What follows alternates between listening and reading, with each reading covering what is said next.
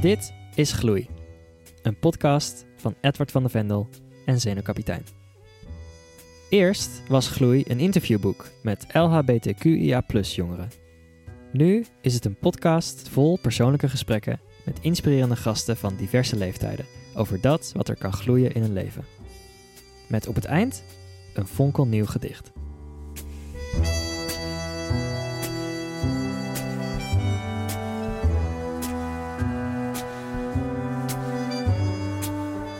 Mariska Verbeek was op 1 februari 25 jaar eigenaar van Savannah Bay in Utrecht. Een algemene boekwinkel gespecialiseerd in onder andere postkolonialisme, natuur en milieu, genderstudies en LHBTQIA+. Mariska zegt over zichzelf: Ik ben niet allochtoon, maar ook niet autochtoon. Ik ben niet wit en ik ben niet zwart. Ik ben niet homo, maar ook niet hetero. Ik ben geen Savannah B. Ik ben Mariska Verbeek. Mariska, we zitten hier uh, in Savannah B, de boekwinkel, die van jou is, waar jij werkt. Het is nasluitingstijd, je hebt hard gewerkt. Wat was vandaag uh, het leukste moment? Het leukste moment is eigenlijk de hele dag geweest. Omdat uh, er eindelijk weer echt veel klanten in de winkel waren. Uh, we mochten natuurlijk eigenlijk al uh, een week weer open. Maar omdat dit weekend, uh, dit weekend was dat alles weer open was, was het druk in de stad en dus ook hier. En er waren zoveel klanten, zoveel blije klanten ook, heel divers. jongeren die weer, oh jee, we mogen weer. En welke boeken gaan we nu lezen? Dus het was een hele levendige sfeer vandaag. En daar heb ik echt van genoten. ja. Ja, absoluut. En uh, nu, nu uh, hoorde ik net van jou in het voorgesprek dat je ook een heleboel deadlines had en allemaal dingen die af moesten. Wat was het meest vervelende, het vermoeiendste deadline van vandaag? nou, die was gelukkig gisteren, BTW-aangifte. Dat is echt, het ondernemerschap is superleuk, maar al die administratie is echt, uh, ja, ik ben daar gewoon niet zo geschikt voor. en ik, elk kwartaal worstel ik weer met die BTW-aangifte. In een boekwinkel moet je gewoon heel veel administratie doen. En uh, het was af gisteren, tot mijn trots. Want uh, ik ben uh, voor het eerst in tijden een beetje op tijd ermee. Maar ik vond het echt, blijft verschrikkelijk. Ja. Ja, ja, toch heb je het al 25 jaar keer ja, vier gedaan, hè? Ja, ja, maar altijd vloeken. En heel vaak te laat. ja. ja. Zeg, wat heeft de boekwinkel te maken met, met appels verkopen? Ja, ik denk ik denk dat ik weet waarom jij dit vraagt. mijn mijn uh, ontdekking dat ik het leuk vond om dingen te verkopen is uh, ooit ontstaan uh, toen ik als, nou ik denk 14-jarig meisje bij mijn vader in de kraam stond. Die was vrijwilliger bij het Utrechts Landschap. En op een landgoed Oostbroek werden appels en ander fruit verkocht. En ik mocht daarbij helpen. Dat vond ik super stoer. Uh, maar ik was ook heel verlegen vroeger. Ik durfde eigenlijk nooit met mensen te praten. Ik was altijd een beetje achteraan en uh, sloot me op met een boekje. Maar in die kraam stond ik daar en mensen wilden appels en appelmoes en zo. En ik dacht, ik vind het eigenlijk wel leuk. En dat heb ik altijd onthouden. Dat ik het op die manier, ik denk ook omdat je dan een bepaalde rol hebt. Je staat daar te verkopen. Je hoeft geen social talk uh, op zich te doen. Dat, dat dat toch wel iets voor mij was. En boeken verkopen is. Uh, natuurlijk niet hetzelfde als appels verkopen, want het is veel meer inhoudelijker. Maar het is wel, je wil mensen blij maken met iets wat ze op dat moment zoeken, wat ze nodig hebben, waarvan ze soms nog niet eens weten dat ze het nodig hebben. En jij zoekt dan de mooiste appel, CQ, het mooiste verhaal erbij uit. Dus er zit wel een gelijkenis in. Dus ja, is toen een soort zaadje geplant, denk ik. Ja, ja. ja dat was je vader. Maar volgens mij, ja, ik heb een beetje gelezen over. volgens mij is de liefde voor, de, voor dit vak wat je nu aan het doen bent niet alleen maar van je vaders kant gekomen, maar toch ook van je moeder? Ja, dit is heel erg van mijn moeder. Mijn moeder is een ontzettende boekenliefhebber en dat heeft ze heel erg aan mij en mijn zusje meegegeven vroeger. En zij heeft het dorp waar ik ben opgegroeid, Leersum, daar was geen bibliotheek toen mijn ouders daar kwamen wonen. En uh, zij heeft eigenlijk uh, met een heel stel vrijwilligers die biep opgericht. Er was een, op een gegeven moment dus een dorpsbiep door haar, doordat zij dat zo belangrijk vond. En als kind gingen mijn zusje en ik dan uit school vaak naar die bibliotheek toe. Natuurlijk super klein, echt zo'n dorpsding. Uh, en dan was zij daar bezig. Dat vond ik al heel interessant. En wij gingen dan op de grond allemaal boekjes lezen. Een tas vol met boeken mee naar huis elk weekend. En later, uh, ook toen ik weer een jaar 14, 15 was, toen ben ik haar ook als vrijwilliger gaan helpen in die bibliotheek. En ontdekte daardoor dat ja, boeken uitlenen. Dat was dan niet zozeer verkopen, maar uitlenen. En daar met mensen over praten vond ik ook heel leuk. Was ook weer zo'n ontdekking. Oh, maar dit, dit, dit vind ik leuk en dat durf ik dus ook. Uh, ondanks dat ik heel verlegen ben. En ja, dus, dus eigenlijk van beide kanten werd het een beetje uh, geplant. Uh, ja, ja, ja. Nou, je zegt heel verlegen. Wat, wat was je voor meisjes op de middelbare school? Ja, op de, nou, op de lagere school was ik super verlegen. Ik weet zelf niet meer zo goed, maar de, juf van de eerste en tweede klas heeft wel eens gezegd dat ik alle pauzes, uh, dat de kinderen gewoon op het schoolplein aan het spelen waren, zat ik in een hoekje of helemaal tegen het hek aangedrukt en ik durfde niet mee te doen. En ik heb wel eens gedacht, waarom was dat? Nou, deels ook wel door dat wij in een, ons gezin woonden echt in de bossen. Dus wij woonden nog een heel stuk van dorp af. Dus ik was niet gewend op straat of zo met kinderen te spelen. Was toen ook nog geen crash kleuterschool vond ik echt verschrikkelijk, want dan zag ik mijn moeder niet. En uh, dat verlegene is heel lang gebleven. En het is ook wel een beetje, we waren de enige Indische mensen in het dorp. Het was echt een lelieblank dorp uh, toen nog. En uh, die uitzonderingspositie heb ik ook wel gevoeld. Niet dat we ontzettend gepest werden of dat het er heel erg over ging. Maar ik was niet heel zelfverzekerd daarin. Want puur door je uiterlijk opvallen, dat, dat doet al iets. En de middelbare school ben ik redelijk doorgerold, omdat ik inmiddels een pony had. Dus uh, ik was altijd aan het paardrijden en daar helemaal druk mee. En dat was echt mijn wereld. Daar voelde ik me thuis. Uh, ik kan sowieso altijd beter met dieren dan met mensen. Ik ging altijd de bossen in en dat was heel, daar werkte ik heel, ja, wel sterk van eigenlijk. En het was gelukkig een school waar op dat moment in ieder geval niet heel veel kliekjes en populariteitsgedoe was. Dus ik had een paar leuke vriendinnen en daar kon ik goed mee vinden. En zo kwam ik er wel doorheen. Maar ik ben nooit uh, uh, een van de populaire meisjes geweest of uh, ja, dat ik heel erg vooraan stond. En dat, dat, wilde ik ook helemaal niet. En ik was heel laat met alles. Ik was heel lang nog een soort kind eigenlijk. Ik wilde spelen. Ik weet nog in de brugklas dat ik dacht, wat gaan we dan doen in die pauze? Waar is, waar is het spelen? Ja, dat deed je dan dus niet meer. Dat vond ik zo gek. Dus uh, dat, dat, ja, dat achteraan gevoel, dat, dat heb ik al heel lang gehad. Ja. Het ja. achteraan gevoel, ja. Ja, ja. een beetje de, de achtergrond van je, van je ouders. Je, je, ja. je vader was uh, Rotterdammer. Ja, Hè? ja niet van geboorte denk ik. Hij is zelfs geboren in Utrecht, uh, waar ik nu dus ook alweer heel lang woon. Maar hij is opgegroeid echt in Rotterdam en later Den Haag. En mijn moeder is geboren in, in, in wat toen nog Batavia heette, Jakarta, voor de Tweede Wereldoorlog. Uh, in een hele Indische familie. Een, echt een mengeling. Dus er zit Japans in, er zit Chinees in, uh, allerlei soorten Indonesisch uh, bloed en dan ook nog een flinke scheut Europees ik ben dat op latere leeftijd een beetje gaan uitzoeken. Nou, het is een enorme cocktail. En heel veel is natuurlijk niet te vinden, niet bekend van die voorgeschiedenis. Dat, ik ben wel echt een, uh, postkoloniaal product wat dat betreft. Maar haar ouders, mijn opa zat in het knil en haar ouders hebben dus een, een krijgsgevangenenkamp in Jappenkamp de oorlog doorgebracht. En mijn moeder dus ook. En na de oorlog zijn ze met wat omzwervingen uiteindelijk in Nederland beland. Toen was mijn moeder 14, ook toen ze hier in Nederland kwam. Dus um, dat was voor haar heel nieuw. In hoeverre heeft, heeft dat die achtergrond en, en de, laten we zeggen dat Nederland niet bij alle uh, gezinnen uit Nederlands-Indië heel vriendelijk was bij de ontvangst. Ik weet niet hoe dat natuurlijk niet hoe dat bij je moeder was, maar heeft die, hebben die trauma's een rol gespeeld in, in jouw kindertijd? Mm, niet in, nou, dat is een goede vraag. Niet zozeer in mijn kindertijd, denk ik. Als kind, we groeiden heel Hollands op. Dus we woonden in dat dorp en uh, mijn vader was echt een Hollander van de, van de aardappelen en de vlees en de groenten. En uh, ik had helemaal niet het besef dat wij heel, ook nog een heel ander deel hadden. Mijn moeder wilde ook heel graag ja, alles zo goed mogelijk doen, aanpassen. Dat is echt wel die generatie. Dus Nederlandser dan Nederlands uh, worden, goed je best doen. Mijn oma had het ook heel sterk. En eigenlijk ben ik van die generatie die, die pas later en mijn moeder dus ook pas later, toen ze, toen ze ouder werd, daarover is gaan nadenken en over is gaan praten. Dus als kind had ik niet, ik wist wel dat we anders waren, maar puur door het schelden in het dorp. Hè, van in dat pinda, poepje, nee. En we zijn, mijn zusje en ik zijn wel heel vaak uitgescholden, maar dat hoorde er dan een beetje bij. Tegenwoordig zou je daar denk ik heel anders naar kijken, maar wij, ja, ja dat deden dan maar gewoon. En af en toe gingen we vechten en af en toe gingen we een blokje omfietsen als ze er weer stonden. Um, maar ik ben wel later dus zeg maar als jonge volwassenen gaan nadenken, hé, hey, wat betekent dat? En heel veel Indische mensen van mijn generatie herkennen dat er gewoon niet over gepraat werd. Dat er niet, mijn moeder zei altijd, ah ja, de kamp, ja, nou ja, was allemaal niet zo erg. Uh, en later is er natuurlijk wel anders over gaan denken en anders over gaan praten. We zijn ook op reis geweest, mijn zus, mijn moeder en ik, naar Indonesië en hebben het kamp ook teruggevonden. En ja, dan komt wel wat meer los van wat dat betekent. En dan kijk je terug van, oh ja, dat zit toch ook wel ja, niet over gevoelens praten of uh, altijd maar een beetje, nou ja, laat maar gewoon maar door. Dat, dat soort moraal, zou ik bijna willen zeggen, dat hebben wij wel heel erg van thuis meegekregen. En dat is niet altijd even positief, vind ik. Dat kan je ook heel erg opbreken later. Maar heeft dat jou opgebroken? Is dat lastig geweest?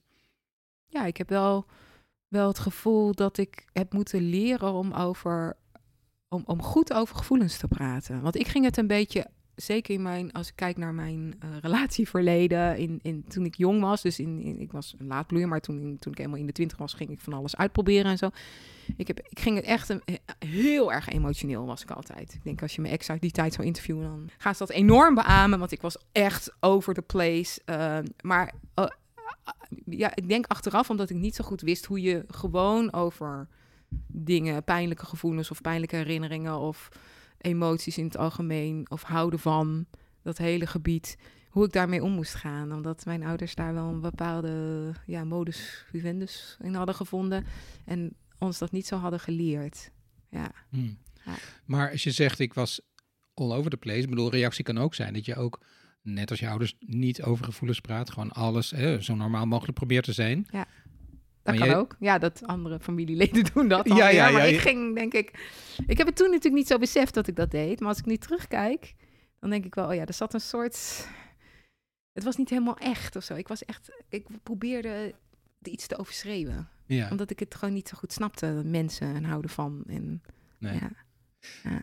Ik las ook ergens dat je in die tijd uh, ook, ook uiterlijk er nou ja, een beetje brak met het, met het braaf zijn. Dus uh, punkachtig. Heel schattig op een heel schattig niveau. Echt waar? ja, ik ben nooit echt, ja. ik ben nooit echt heel recalcitrant geweest. Dat wilde ik wel graag zijn, maar dat durfde ik helemaal niet. Daar was ik dan toch weer te braaf voor. Dus, dus dat ging een beetje op de new wave op zijn dorp, zeg maar. Met eyeliners en, en, en punky haartjes, maar nooit echt, nooit, nooit echt die veiligheidsspel door je neus bijvoorbeeld. Dat durfde ik dan weer niet. Dus ik zette me wel af, maar het was wel, ik zocht vooral ook wel een beetje veiligheid. Ik vond de alternatieve zien, wat het ook was, in welke omgeving ook, vond ik altijd heel interessant. Maar dan wilde ik daar dan wel heel graag bij horen. Ja. toch een soort veiligheid zoeken ook daarin. Nieuwe clubjes, ja. Nieuwe clubjes, ja. ja.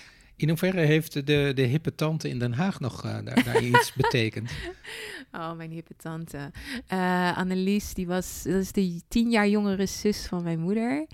En uh, die was dus jong in de jaren 60, 70. Heel alternatief, heel erg bezig met uh, politiek. Lid van de CPN, weet ik nog. Helemaal in die. Eh, dat, had voor mij ook heel erg van: oh, dat is de grote stad. Ik kwam wel heel erg uit een dorp. En dan ging ik bij haar logeren. Ik was heel erg bevriend met, met haar dochter, mijn nichtje, die nu nog in de winkel werkt trouwens. En uh, en dan logeerde ik daar en dan zag ik allemaal, hoorde ik allemaal dingen die ik niet kende en ik zag ook allemaal dingen. En onder andere, ik, ik weet nog heel goed dat ik daar een keer logeerde en sliep ik in een woonkamer op zo'n luchtbedje. En toen kon ik zo de onderste boek in haar boekenkast zien.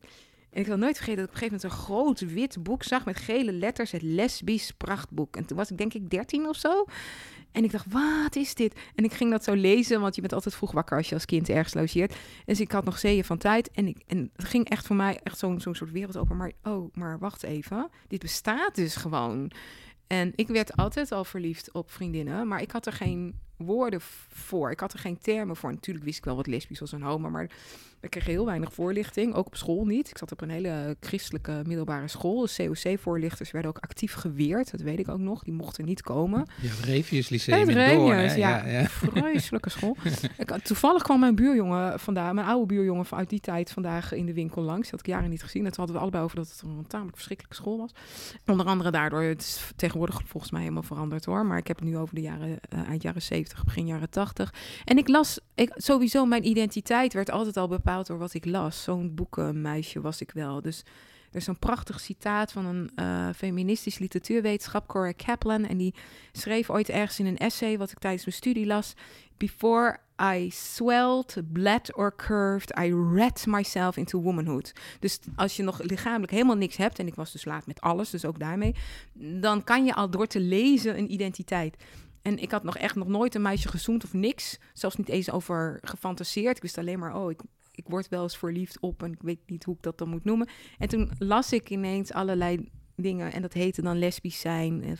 En ik dacht, oh, oh, maar dat? Oh, maar volgens mij volgens mij ben ik dat wel een beetje. Een beetje, want ik werd ook verliefd op jongens. Dus het was nooit meteen helemaal dat. Maar het was wel echt door dat boek en zo zijn er meer boeken geweest. Het was echt jaren tachtig, ja, de hoogtijd van feminisme. Dus er was wel van alles. Dus ik ging van alles, uh, de bibliotheek weer, hè, mijn redding.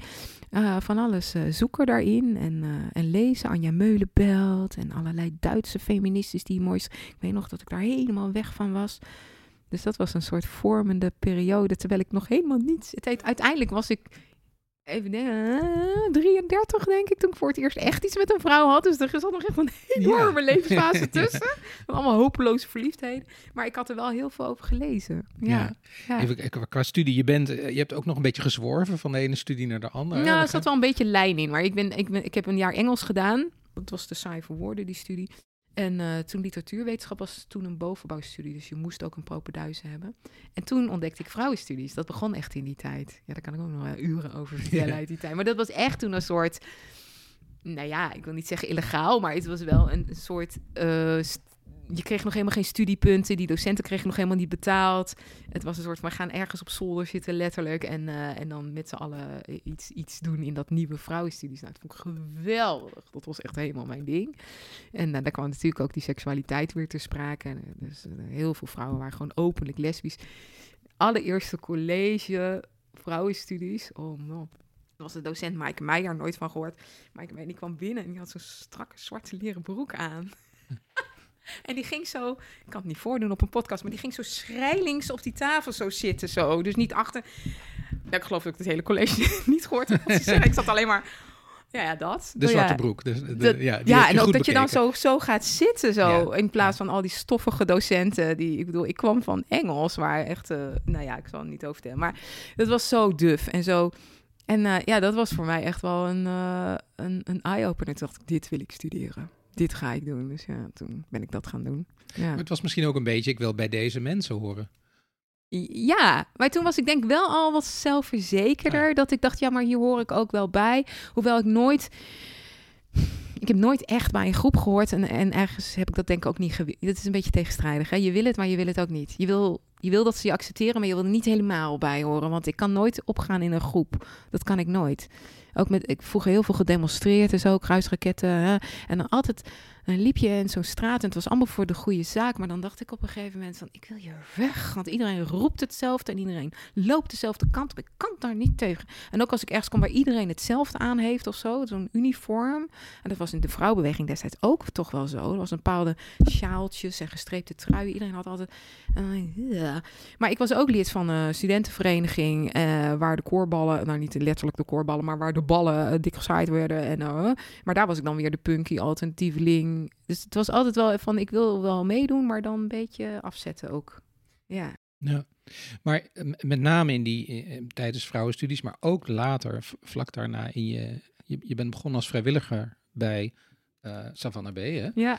En um, daar heb je toch gevoeld van dit is een, een clubje wat ja. zo los is dat ik erbij kan horen. Ja, dat is wel, ja, ik zat net te denken terwijl ik dit zo zat te vertellen van, oh, dit is wel inderdaad, en is een soort logica in waarom ik bij Van de B terecht ben gekomen. Dat dat wel echt uh, de plek is geweest waar ik, denk ik, behalve de natuur en, en, en, en, en de wereld van dieren, daar voel ik me nog meer thuis. Dat is helemaal waar ik, waar ik ben, zou ik maar zeggen.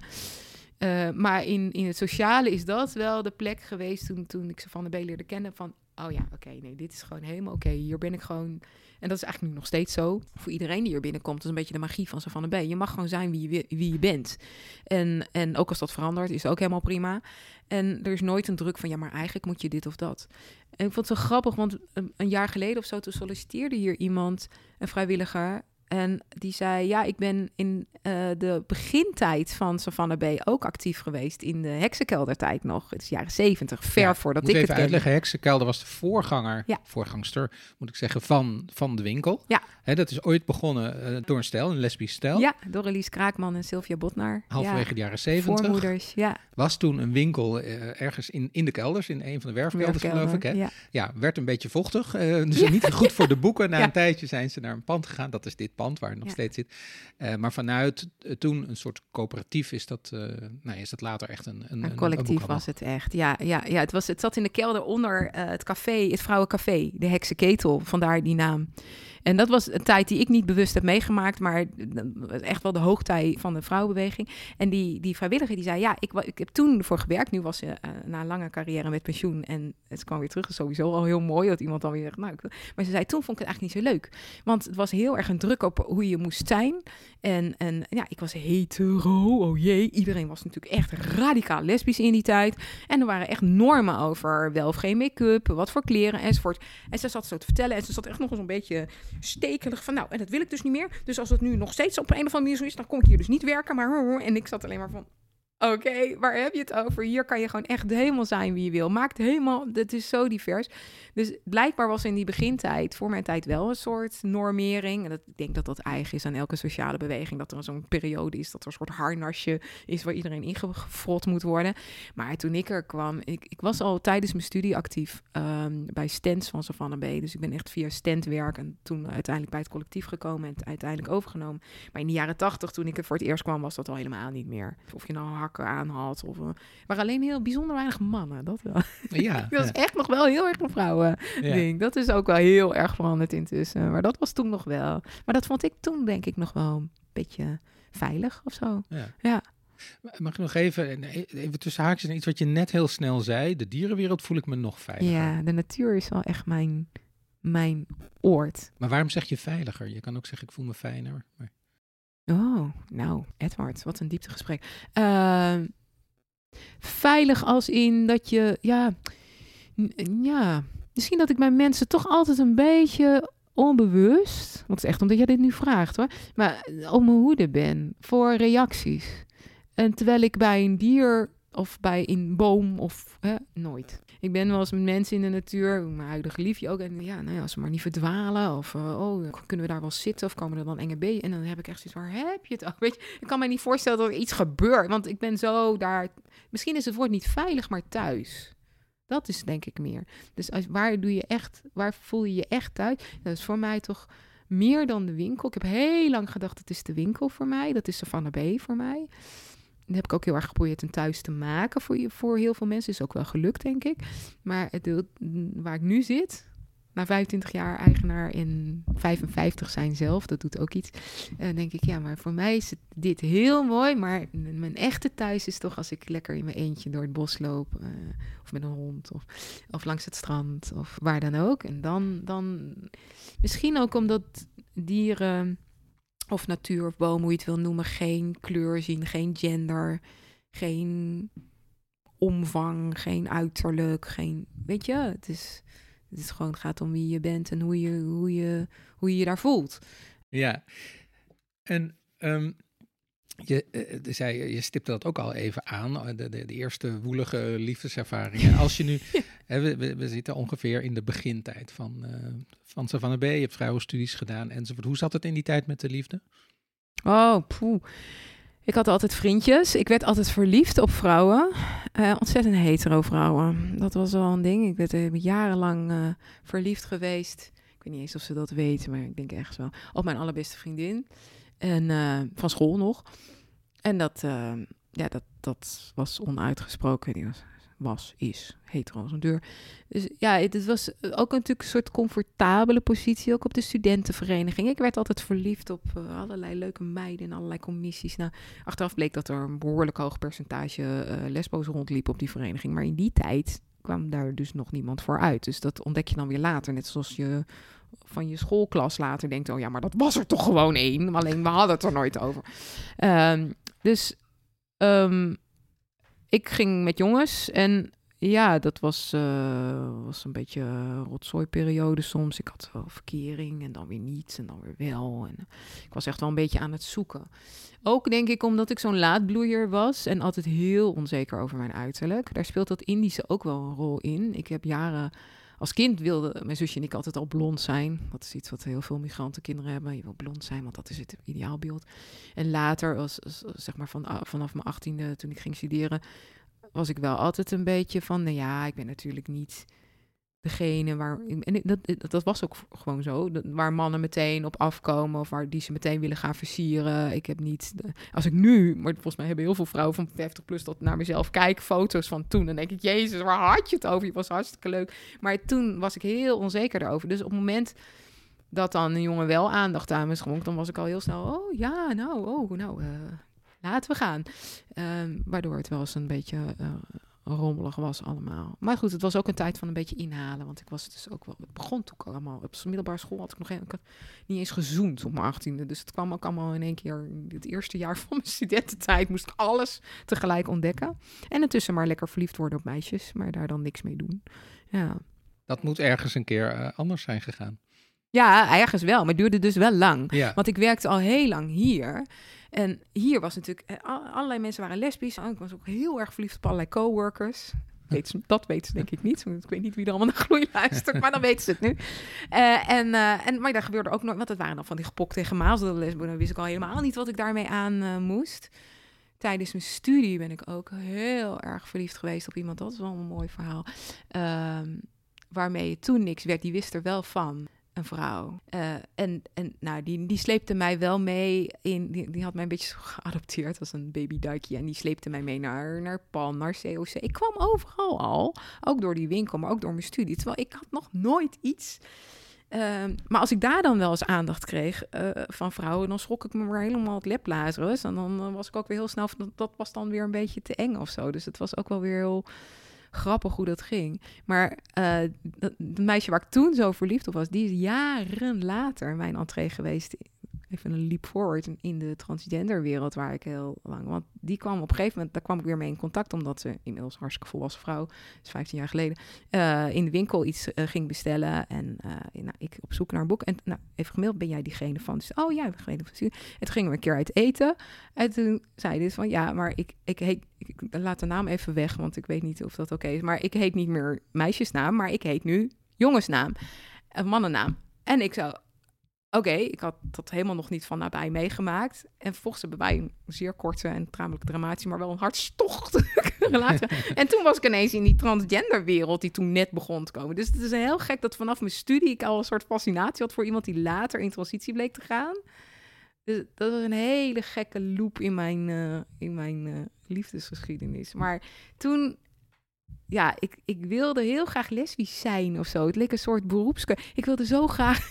maar, maar het schoot niet op. Ik, ik, was altijd hier romans aan het lezen. Weer dat lezen. To, to read yourself into something. En dan dacht ik, ja, ah, smacht. Wanneer, komt wanneer komt er nou eens iemand die op mij verliefd wordt? En wanneer wordt mijn liefde nou eens beantwoord voor die en die en die en die? En uh, ja, dat duurde dus best wel lang. Ja. Ja. Ja. Maar nu, nu, nu zeg je... Uh, Achteraf gezien. Denk ik, ja, dat duurde echt heel lang. Zeg je met, met spijt. Ja, best wel eigenlijk. Ja? ja, weet je wel. Ja. Vind je dat je je tijd een beetje verdaan hebt af en toe? ja, misschien wel een beetje. Als ik iets meer had gedurfd in die vrouwenstudiestijd. Ik heb wel een beetje die, die hele leuke lesbische tijd gemist, heb ik wel eens het idee. Ja. Ik, ik deed wel mee omdat ik ook in de kroeg zat en zo. Maar, maar het echte, echte lesbische leven ja, de theorie heb je wel gehad, ja, de maar theorie, de praktijk niet nou, zo, exactly ja, dat. Ja. En, en natuurlijk was het prima om het in te halen toen ik dus begin 30 was. Maar ik had het eigenlijk als student ook al wel mee willen maken. Maar dat is uh, gewoon niet... ja, niet dat ik daar nou van wakker lig, maar dat is wel een beetje jammer. Um, maar goed, het gaat zoals het gaat, toch? Ik zeg, het hoeft niet allemaal op je 21ste. Nee.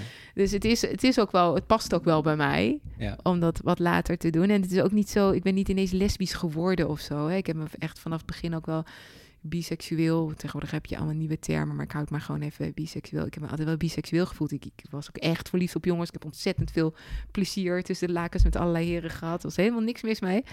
Uh, dus uh, het was niet van, oh, ik zat ergens helemaal te wachten tot het lesbisch licht verscheen of zo. Nee. Maar als ik iets meer had gedurfd, ja. was het wel leuk geweest, denk ik. Ja, misschien ben je gewoon heel erg goed in verlangen. Ja, dat sowieso. In dromen. Dat ook. Ja, dat is wel zo. Dat is wel zo. En dat is leuk en soms ook niet zo handig. Ja. Ja. Ja. Ja. ja. ja, Mariska.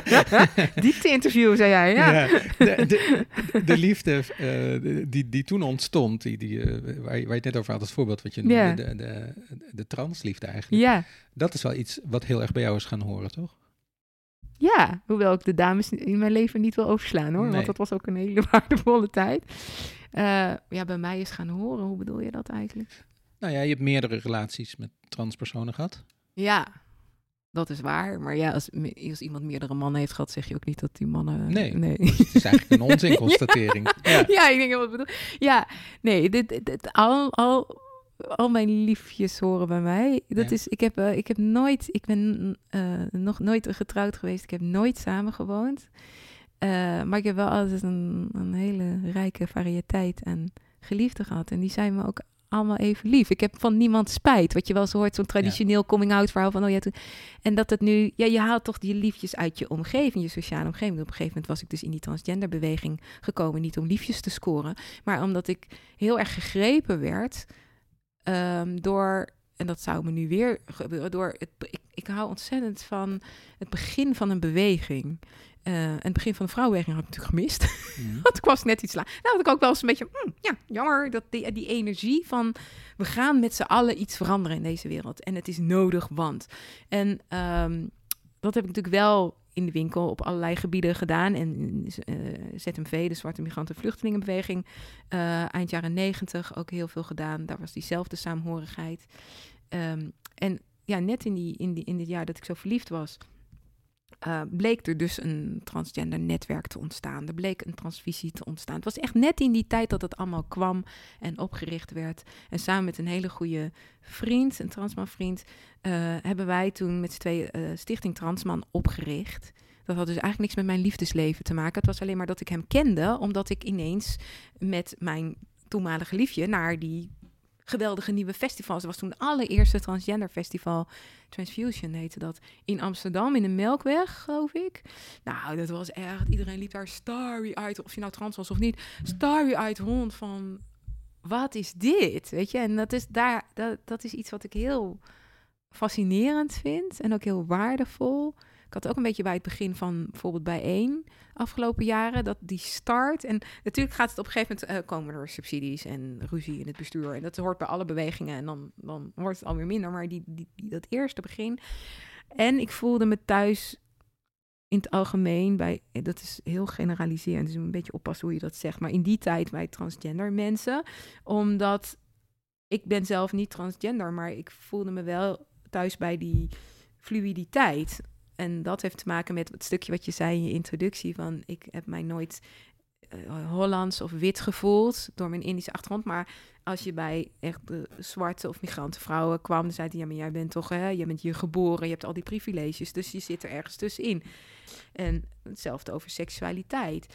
En dus ook gender is voor mij nooit, ik heb me nooit heel erg een meisje-meisje gevoeld. Prima dat ik vrouw ben, daar zit de twijfel bij mij absoluut niet. Maar, maar dat, dat, dat er zoveel meer mogelijk was. En dat dat gevierd mocht worden. En ook dat mensen elkaar daarop vonden. Dat is ook weer die tribe, denk ik. Dat is de rode draad een beetje in mijn leven. Dat mensen, dat doordat wij Stichting Transman begonnen, uh, waarin ik dan zeg maar de vertegenwoordiger voor partners was. Want ook partners van transgender mensen zijn een groep die heel veel elkaar nodig hebben en heel veel informatie en steun nodig hebben. Nou, dat, dat, dat gingen wij doen. En daardoor ontstort een soort, ja, hele mooie uh, saamhorigheid. Die later weer uit elkaar is geknald door ruzie en gedoe, zoals altijd in dit soort dingen. En dat was heel jammer, maar het is wel, daarvoor is, het, is er wel van alles opgezet. We hebben de allereerste Transman weekenden gehad. Ik heb partnergroepen hier echt met 17 partners pizza zitten eten. En ja, dat is gewoon geweldig. Dus dat was waarom ik daar... Dus dat had niet zoveel met mijn liefdesleven te maken. Maar ja, het is wel als je daar dan actief in bent, dan kom je allemaal leuke mensen tegen. Dus dan is het je volgende liefje. ja. ja, nou en het, uh, als, je nou, als we nou ook nog teruggaan naar, naar die, die introductie, hè, waar, waarin je zegt, ik, ik ben niet dit en niet dat. Ik ben niet homo, maar ook niet hetero. Maar hoe, hoe zou je jezelf dan wel omschrijven? Ja, ik heb heel lang gezegd biseksueel en dat vind ik nog steeds wel een passende term. Maar de term die nu vaak gebruikt wordt, queer, die past mij ook echt wel als een, als een jas.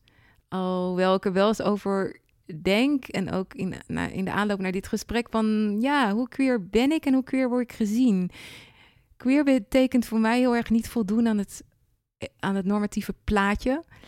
En uh, dat heb ik ook nooit willen doen. Ik heb nooit dat, dat, hè, dat, dat, dat, geëikte patroon willen volgen. Niet alleen op wie je valt, maar ook hoe je je leven leidt, wat je belangrijk vindt. Het, het, het, het, ja, het patroon van, van carrière maken, geld verdienen, huis kopen, uh, kinderen krijgen, dat heeft me nooit getrokken. Ook in, in erotiek aan zich hoe je dat beleeft. Ik heb altijd heel diverse dingen gedaan, uitgeprobeerd, gefantaseerd. En paste ook niet altijd in het plaatje van de gemiddelde Nederlandse vrouw of zo. En ik denk dat queer voor mij dat is. En ook heel erg altijd de politieke dimensie erbij. Maar ik vind het ook wel eens lastig, omdat buiten de winkel, buiten Savannah Bay, dat natuurlijk een queer as fuck place is, ehm, zie je niet. Ja, ik vind gewoon ook die mevrouw van 55 uh, eh, met uh, ja, een trans transman als partner, maar dat zie je er niet aan af. Dus als ik met mijn vriend op vakantie ben ergens, dan zien ze een, een hetero stel van middelbare leeftijd, wit ook nog vaak. En ja, dat vind ik helemaal niet leuk, want zo voel ik mij helemaal niet. Dus het zit wel bij mij vaak zo van, ja, maar dit ben ik eigenlijk helemaal niet, hoe jullie mij nu zien. Maar dat ga ik dan ook niet zeggen. Dus het is iets waar ik mee bezig ben. In hoeverre voel ik me queer, maar vooral ook hoe, in hoeverre is dat ook duidelijk naar buiten toe, buiten de winkel om. Het is ook wel een van de redenen om me heel erg verwant te blijven voelen met Savannah B. En dat ook heel erg in mijn identiteit op te nemen, omdat daarbuiten ik dat weer een beetje voor mezelf moet uitvinden. Ja. Ja. ja. Die, um, Eén ding, uh, daar dacht ik net nog even aan. Je zat in, in de Stichting Transman, zat je in het bestuur, zei je, maar je zat er namens de partners van transpersonen. Toen zei jij, daar is eigenlijk wel wat te weinig aandacht voor. Hoe ja. bedoel je dat? Nou, dat is wel een stokpaardje van mij. Nou, er is op, momenteel best veel aandacht, ook al is het niet altijd de goede aandacht voor mensen die op wat voor manier dan ook in transitie gaan, omdat ze zich niet thuis voelen in het gender wat ze hebben toegekend gekregen. Um, maar heel vaak, zeker mensen op latere leeftijd, zit daar een partner aan vast. En daar is nog heel weinig, zeker in het officiële circuit van uh, transitie via ziekenhuis, via de VU, et cetera, is heel weinig aandacht voor. Terwijl um, partners gaan ook altijd in transitie. Je bent met iemand vaak voordat, hè, in de meeste gevallen. Tegenwoordig met jongeren is het natuurlijk heel anders. Mensen zijn heel erg open over dingen, komen er eerder achter. Maar elf jaar geleden, toen wij begonnen, was het nog heel vaak de situatie zo iemand leeft al jarenlang zoals die is en voelt er klopt iets niet, maar heeft nog niet helemaal door wat of heeft er niet mee aan de slag durven gaan en dan is het dus ook al jaren een partner, vaak een huwelijk, kinderen, van alles. En uh, dan op een gegeven moment is het niet meer te doen, op wat voor manier dan ook en dan gaat iemand dus toch daar actie in ondernemen en dat hele traject in. Dat was niet mijn situatie hoor, maar in ieder geval voor mij was het niet, maar ik heb heel veel mensen ontmoet die dan een soort van verbijsterd achterbleven van ja, maar wat betekent dat voor mij? Als mijn man, waarvan ik dacht dat het mijn man was, waar ik twintig jaar mee getrouwd ben, in uh, transitie gaat en is eigenlijk een vrouw, ben ik dan ineens lesbisch? Kan ik wel bij hem blijven? Kan ik bij haar blijven? Hoe moet dat dan in bed? Ik val helemaal niet op vragen. Nou, dat soort vragen. Uh, het doet heel veel met, met de identiteit, de beleving van de identiteit van de partner. En daar is nog heel weinig aandacht voor. Vanuit hulpverlening helemaal niks. Dus nooit, wordt nooit gevraagd, uh, hoe zit u erbij? Of uh, heeft u nog wat nodig? Dus dus vanuit Transvisie nu wel een, uh, een praatgroep. al jaren hoor trouwens. En ik ben ooit samen met twee andere partners, zou ik maar zeggen, een aantal activiteiten gedaan, maar ook een besloten Facebookgroep opgericht. En daar komen dus nog steeds, nou nu echt ook heel veel nieuwe leden bij die uh, hun verhaal daarover kwijt willen en dus ook support zoeken bij elkaar. Nou, nu het weer een beetje kan, qua versoepelingen zo gaan we dat ook weer live doen. En dat is heel belangrijk. Uh, een van die mensen met wie ik dat begonnen ben, Marjan Geurtse, die heeft een boek geschreven. Een bijzondere liefde heet dat. En dat zijn allemaal interviews. Heeft ze mij toen ook voor geïnterviewd. Zo vijf jaar geleden. Um, met, dus allemaal interviews met partners. Dus zowel partners uh, uh, voor als na de transitie. Maar ook uh, partners die bij elkaar zijn gebleven. En stellen die uit elkaar zijn gegaan. Een heel bijzonder boek. En het is nog steeds het enige wat in Nederland hierover is. Ja. Dus, dus daar ja, mag wel wat meer. Daar mag zeker wel wat meer over. Ja.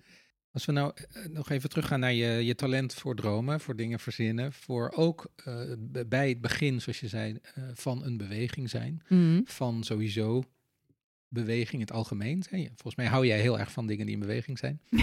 ja, misschien omdat ik zelf niet zo makkelijk in beweging kom. Dus dan kan je nou ja, precies, daar, daar wil ik naartoe. Want je zegt, ik heb nooit samen gewoond, bijvoorbeeld ook. Nee. Waar, ja, niet, ja dat, dat kan natuurlijk gewoon toevallig zijn. Maar is het dan te vast of het wat... Oh, wat een moeilijke vragen allemaal. Ik, ik, kijk even terug hoe dat gegaan is. Nou, ik denk wel. Het heeft ook een beetje met Savannah B te maken. Er zijn een paar momenten geweest dat het echt heel logisch was geweest om de volgende stap te zetten. Een deel van mij verzette zich daar tegen. Zeker toen het nog de hetero-relaties waren uit een soort. Uh, heel erg uh, gevoeld feminisme van hoezo. Ik zag mezelf ook. Ik heb nooit een kinderwens gehad, bijvoorbeeld. Nooit. Ik had, had wel een hekel aan dat zo van je gaat, uh, je gaat uh, verkering krijgen en dan samenwonen en dan trouwen en dan kinderen. Ehm, maar ik, ik heb ook wel die winkel een beetje daartussen gezet. Dat denk ik ook toen ik begon met de winkel. Toen was ik best al lang met mijn toenmalige vriend. En die wilde, uh, die was hartstikke goed in, uh, in, zijn, in zijn vak, een wetenschapper. En die wilde carrière. Maar hij was een stuk jonger dan ik. En uh, hij was dus echt al zijn, zijn, nog zijn weg aan het zoeken. Maar op een gegeven moment was wel duidelijk, ja, die gaat niet hier in Utrecht blijven. Die gaat naar het buitenland. En, ik zei dan de hele tijd, ja, ik kan niet mee, want ik ben net die winkel begonnen. En als je mij dit interview jaren geleden had afgenomen, dan had ik gezegd: Ja, nou, dat was toch ook gewoon echt zo. Ik kan natuurlijk kan ik niet mee, want ik heb die zaak.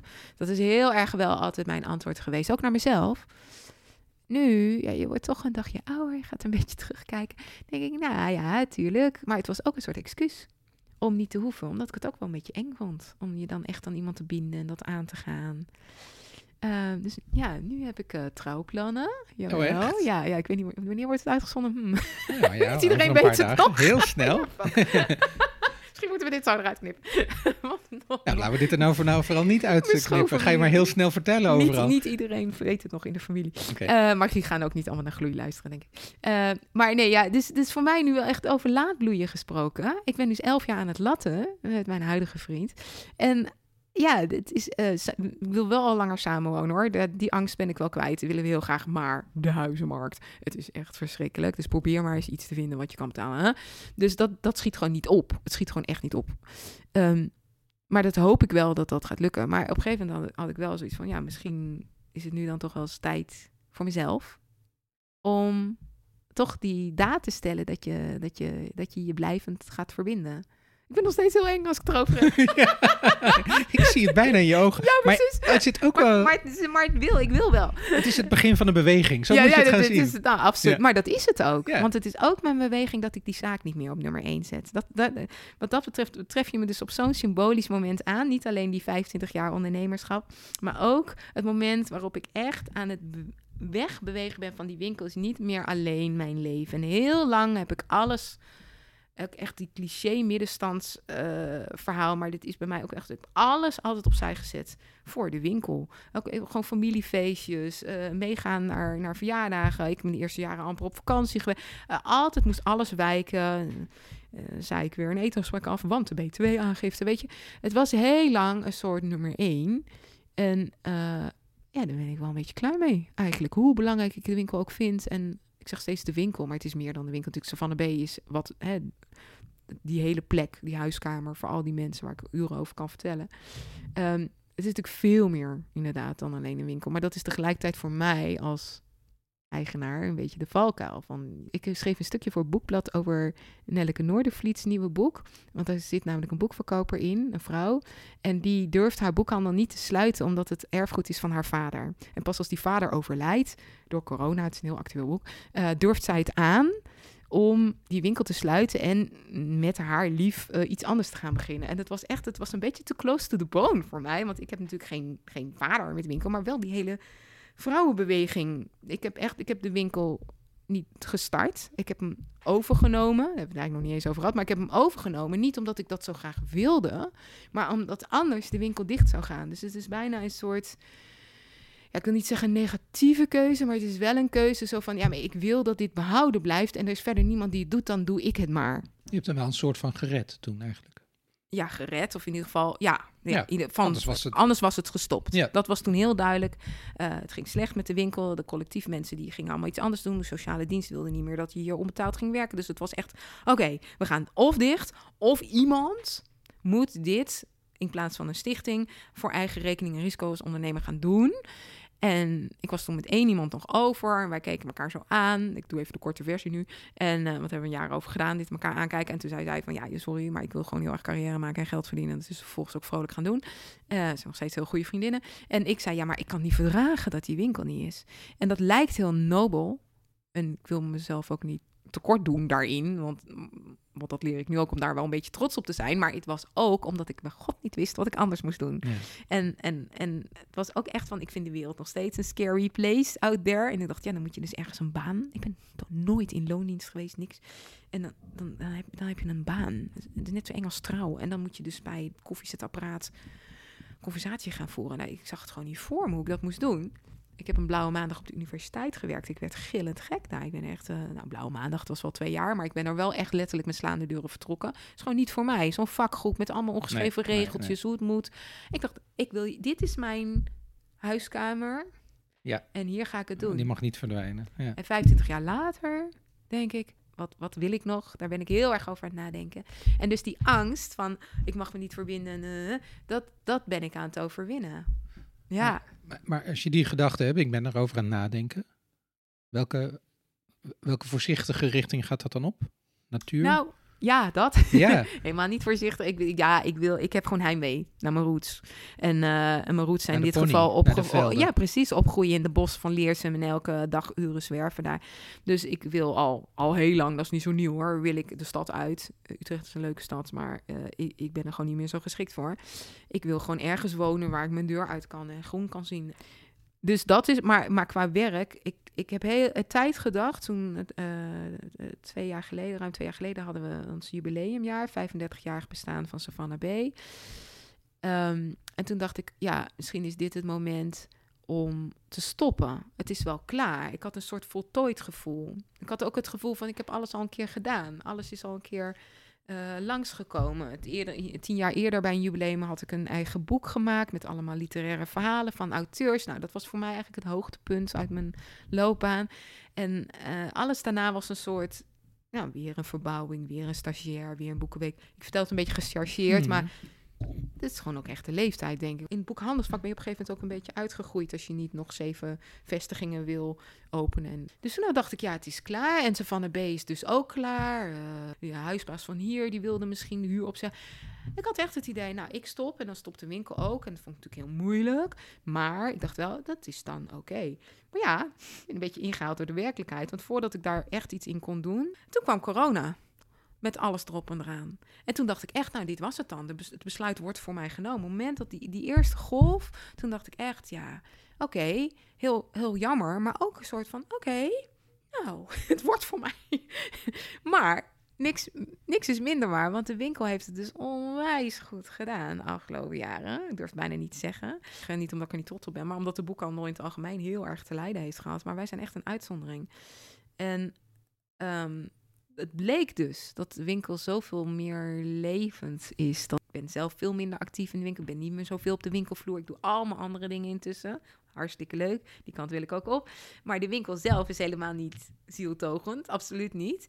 Juist door die enorme toename van eh, aandacht voor queer issues, maar ook Black Lives Matter. Ons, ons 2020 jaar, ons omzetjaar, werd gered midden in die coronatijd door Black Lives Matter. Want dat gebeurde en die demonstraties kwamen.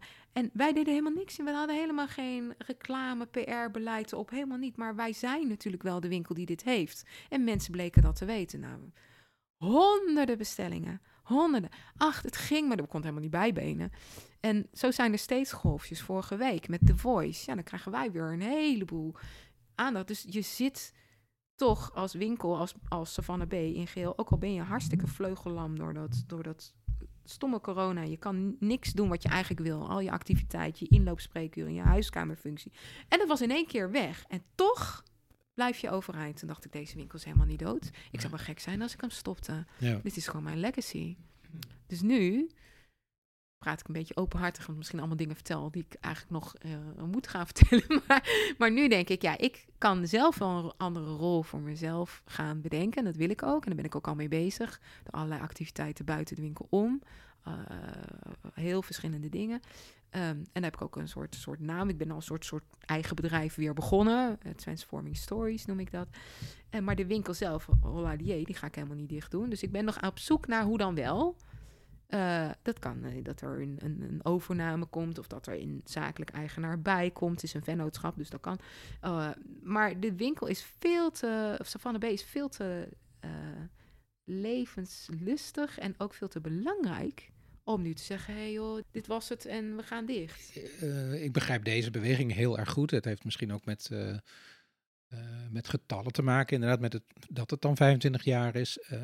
met leeftijd misschien ook voor jezelf. Ja, dat ook. Ja, maar ben je er wel genoeg van, ben je wel genoeg van je opbrengst aan het genieten? dat zegt mijn boekhouder ook heel vaak. Dit is wel heel grappig. Ja, nee. Maar dat heeft een beetje. financiële opbrengst. Nee. Ik weet niet wat de boekhouder bedoelt. ja, die bedoelt de financiële ja, opbrengst. Maar het is een hele symbolische vraag, maar die, die vertaalt zich dus in financiën. Ja, dus dat is ja. ook. Um, ja, en ja, daar als je het over niet financieel, financieel of van mijn financiële opbrengst genieten, lukt mij dus heel slecht. Uh, maar dat ben ik aan het leren. Um, en dat heeft een beetje met dat, dat gevoel te maken dat ik niet eigenaar ben, maar een soort. Um, hoeder van, de, hoeder van het erfgoed van de vrouwenbeweging. Dus dan, ja, dat, dat is iets waar ik al heel lang mee bezig ben. Maar de opbrengst van hier, daar geniet ik van de, de, de niet van je financiële opbrengst, daar geniet ik heel erg van. Uh, het was dat ik in het jubileumjaar zelf niet zo goed in mijn vel zat, persoonlijk ook vooral. En gewoon oververmoeid was. Maar ik heb wel heel erg genoten dat je daar zo'n festival neerzet en dat zoveel mensen komen. En ook in die coronatijd zoveel mensen die spontaan geld uh, doneren om je maar overeind te houden. Zoveel support. En dan kan ik wel voelen, ja, dat heb ik wel opge opgebouwd. Het is bij Savannah B altijd twee kanten op. Je hebt je klanten en je hebt je vrijwilligers. En voor mij zijn de vrijwilligers, voor mij persoonlijk, no offense to de klanten die dit horen, maar zijn de vrijwilligers bijna, net, bijna belangrijker in de opbrengst. Voor zoveel mensen is het werken bij Savannah B van doorslaggevende betekenis geweest in hun leven. On onnoemelijk veel mensen. Kan heel, daar zouden ze nog eens een boek over moeten maken. Maar, en daar geniet ik. Ik ben heel erg, wat dat betreft, toch wel mensenmens. dat is ook weer zo'n tegenstrijdig iets. Maar ik hou heel erg van dat, ja, een beetje coachend begeleiden van mensen. Ik had ook, uh, mijn vriend zegt, je had ook een zorgboerderij kunnen werken met uh, reclasseringsjongeren of zo. Had ik ook heel erg leuk gevonden. Gewoon lekker met je poot in de klei. Uh, je bent wie je bent, helemaal prima. Uh, we gaan met jou aan de slag en, uh, en ga, ga maar doen. En ja, dat heeft ontzettend veel mensen geholpen op weg naar een baan, op weg naar een transitie, op weg naar een coming-out, op weg naar whatever. Allerlei blokkades en hindernissen. En um, ja, dat is, daar geniet ik elke dag van. Ja. niet dat ik mijn mensen wil reduceren tot probleemgevallen, verre van. Maar gewoon die diversiteit hier. Uh, en, en, en ja, zonder vrijwilligers zou ze van de al lang ter ziele zijn. Ja, daar kan ik ontzettend van genieten. Maar je hebt ook, dat heb je ook al eerder gezegd, je hebt een groot talent voor dromen. Misschien is het gewoon tijd voor een hele mooie nieuwe droom. Ja, Nee, of een oude droom. Of een oude droom. Ja, een oude misschien droom. nu werkelijkheid gaat worden. Ja. Ja. En trouwen dus. En trouwen dus, ja. groot, klein, nee, dat weet je nog. Ja, dat weet ik allemaal nog niet. Joh, nee. joh, we zitten al drie maanden over een datum, dus hou op schrijven. Oh, we hebben nog geen datum. We kunnen nog niet helemaal Nee, alsjeblieft niet. Nee, anders had je te veel een primeur dan... Uh, ja. Nee, nee.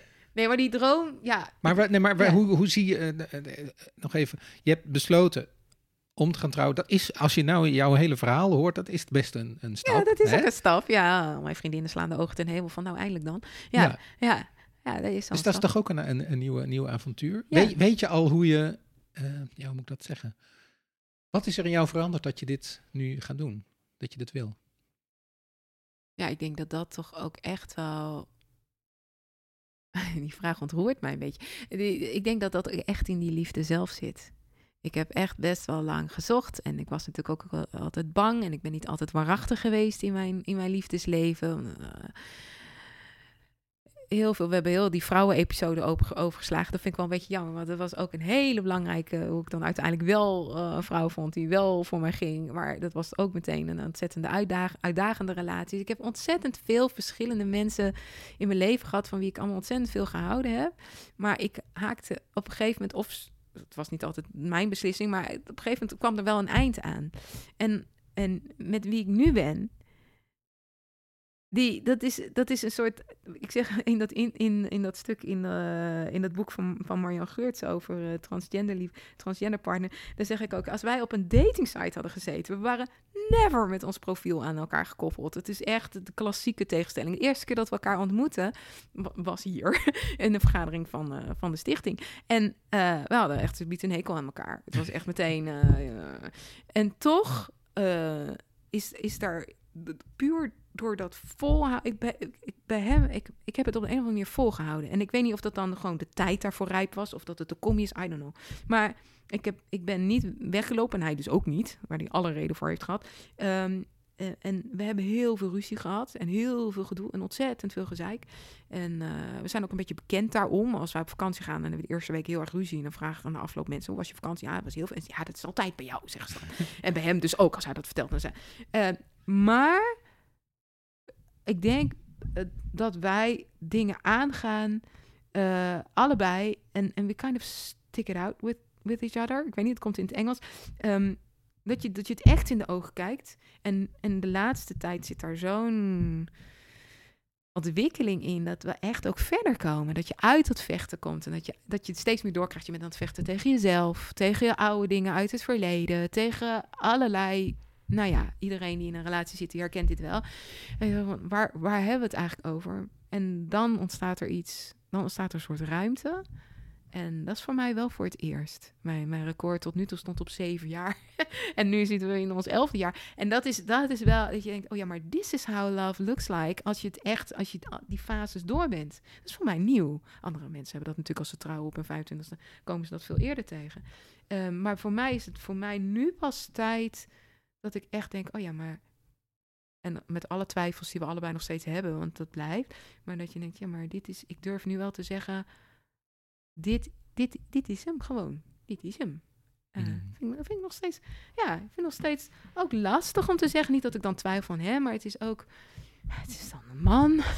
ik had altijd gedacht dat ik met een vrouw uit zou worden. Dus het is allemaal weer, maar, maar het is een soort rust ingekomen.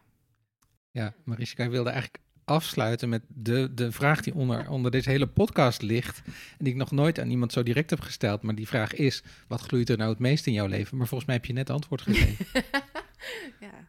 ja, dankjewel Dank voor het gesprek. Dankjewel.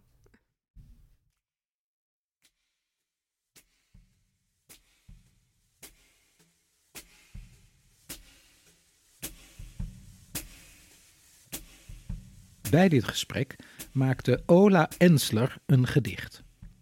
Ola stond in de finale van de schrijfwedstrijd Right Now. Ze won de schrijfwedstrijd Mijn Kort Verhaal en volgt op dit moment een talententraject bij vuurland.nu. Bij haar teksten maakt ze gedetailleerde illustraties. En dit is wat ze over dit gloeiende interview schreef.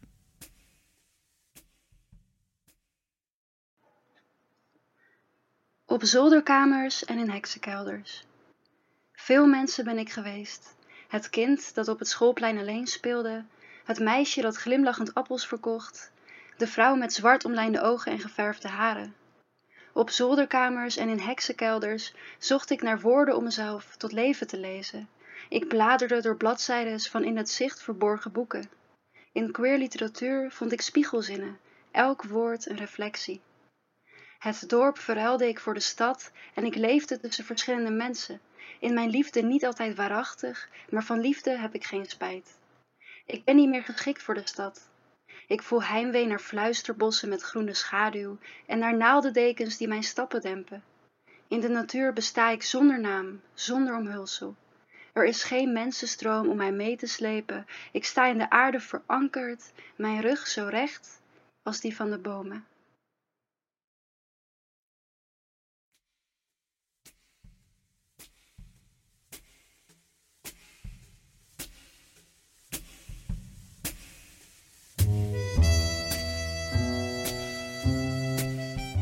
Dit was Gloei. Edward van de Vendel deed de interviews. Productie en editing waren in handen van Zene Kapitein. En single-uitgeverijen maakten deze podcast financieel mogelijk. Het gedicht van deze week werd geschreven door Ola Ensler. En Floor de Goede maakte een getekend portret. Te zien in je podcast-app, op @gloeipodcast op Instagram en op gloeipodcast.nl. Daar vind je ook de tekst van het gedicht, ons mailadres en alle afleveringen bij elkaar. Dit was de laatste aflevering van ons eerste seizoen. Maar nog niet helemaal. Volgende week komt er een heel bijzondere bonusaflevering online. Tot dan!